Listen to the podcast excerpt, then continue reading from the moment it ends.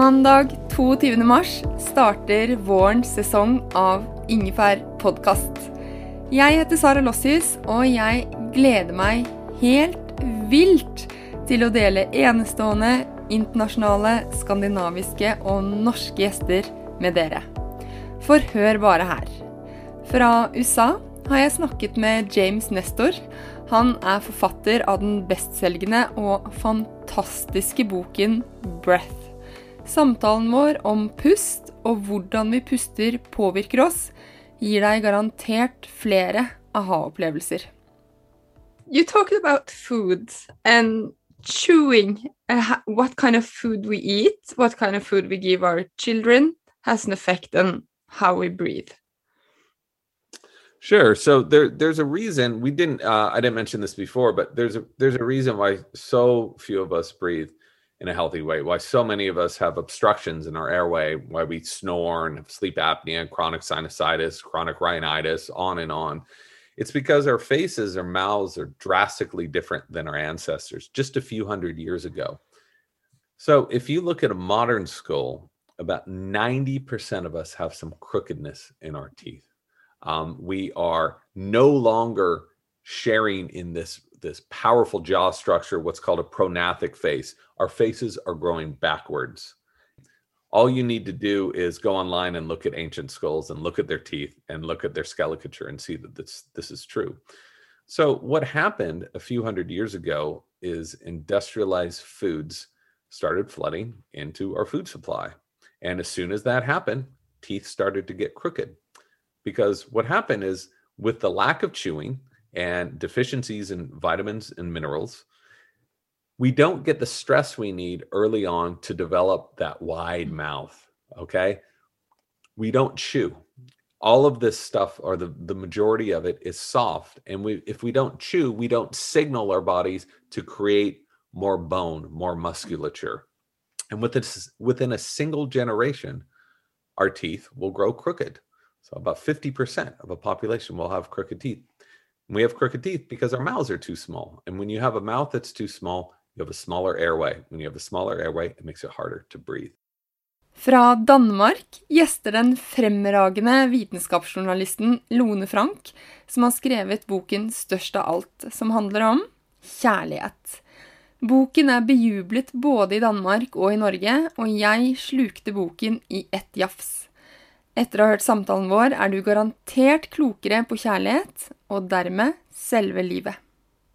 Det er nettopp det med oksytoksin. Jeg har lyst til at du eh, snakker litt om det. For det ene er jo da at vi opplever det med andre. Men eh, det kan godt hende at jeg har flere reseptorer for oksytoksin enn det du har, f.eks. Ja, og det er jo der at vores, vores biologiske arv den også kommer inn i bildet. Fordi vi er jo netop altså vi er forskjellige fra naturens hånd alt efter hvordan vi også biokemisk er blevet innrettet. Altså hva for noen genetiske varianter har vi i vores oxytocinsystem og i andre hjernesystemer. Vores hjerne er jo præget af de gener, vi har med fra vores forældre. Så det vil sige, at vi har hver især en eller anden biologisk øh, madpakke, en, en biologisk grundsubstans. Det interessante ved, ved oxytocin er jo, og det system er også, at du har, altså vi har forskellige, hvad skal man sige, det man kalder socioseksuel orientering når vi snakker om voksne, med hensyn til, hvor, sige, hvor stor er din drift imod at have langvarige, øh, tætte forhold, og hvor stor er din drift imod at have altså, hurtige, øh, du ved, seksuelle forhold. Øh, fordi vi har begge drifter i os alle sammen. Det er ikke sådan, at mennesket er ikke monogamt eller polygamt. Vi, er, vi har begge drifter. Øh, men de er forskelligt indstillet hos forskellige mennesker fra starten. Og det hænger noget sammen med, hvad er det for nogle gener, du har fået, og formentlig også noget opdragelse og andre ting. Men, men der er simpelthen noget med, hvilke reseptorer har du i dit oxytocinsystem, for eksempel. Denne våren har jeg endelig fått min favorittforfatter i tale. Det er Agnes Ravatn, som bl.a. har skrevet bøkene Operasjon sjøledisiplin, Væra er ei skandale og Stoisk uro. Dels er disse bøkene selvhjelp, og dels sjelegransking med snert. Agnes og jeg prater om vaner og om filosofi til hjelp i disse tider. For jeg syns det er interessant at uh, vi sitter her og prater om internett og dagspress og alt sånt her, når uh, Kirkegård i sin tid, og han levde jo ikke i går, for å si det sånn, han skrev dagspressen gjør at folk interesserer seg for alt mulig, men forplikter seg til ingenting. Ingenting er for trivielt til å bli inkludert, og ingenting er så viktig at det fortjener en spesiell plass. Ja. Han hadde vært oppgitt nå i dag òg. Han eh, beskriver jo vår realitet veldig, veldig presist. Lik og del. Ja. ja, men det sier jo òg noe om at det som vi ser på som moderne problem og moderne utfordringer, det var jo likt eh, det, Altså omgivelsene og teknologien har endret seg, men mekanismene i oss har jo ikke endret seg. Vi er jo fortsatt eh, altså, Det er ikke det Altså det å oppsøke nyheter og distraksjoner eh, og å være interessert i sladder og andre er jo like gammelt som Men altså, det er jo det vi har evolvert fra.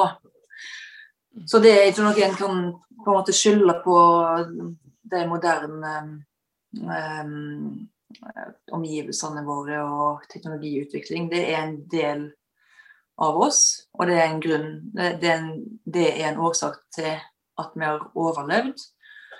Og så er jo omfanget blitt eh, tusen ganger eh, for, for større eller eh, fordobla. Vi må også prate om kropp og psykisk helse denne sesongen, etter over et år med pandemi, og hvordan det har påvirket oss på godt og på vondt. Hilde Østby er forfatter og journalist, og har både vært anorektisk og overvektig. Hun ga nylig ut eh, mageboka 'Syv steg mot å like kroppen din'.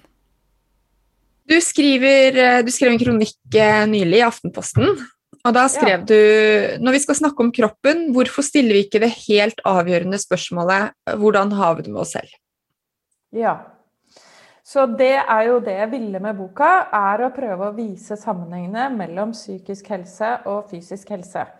Og at eh, vi kan snakke om brokkoli til vi blir blå i ansiktet, eller grønne. fordi det er Grønne. brokkoli. Mm.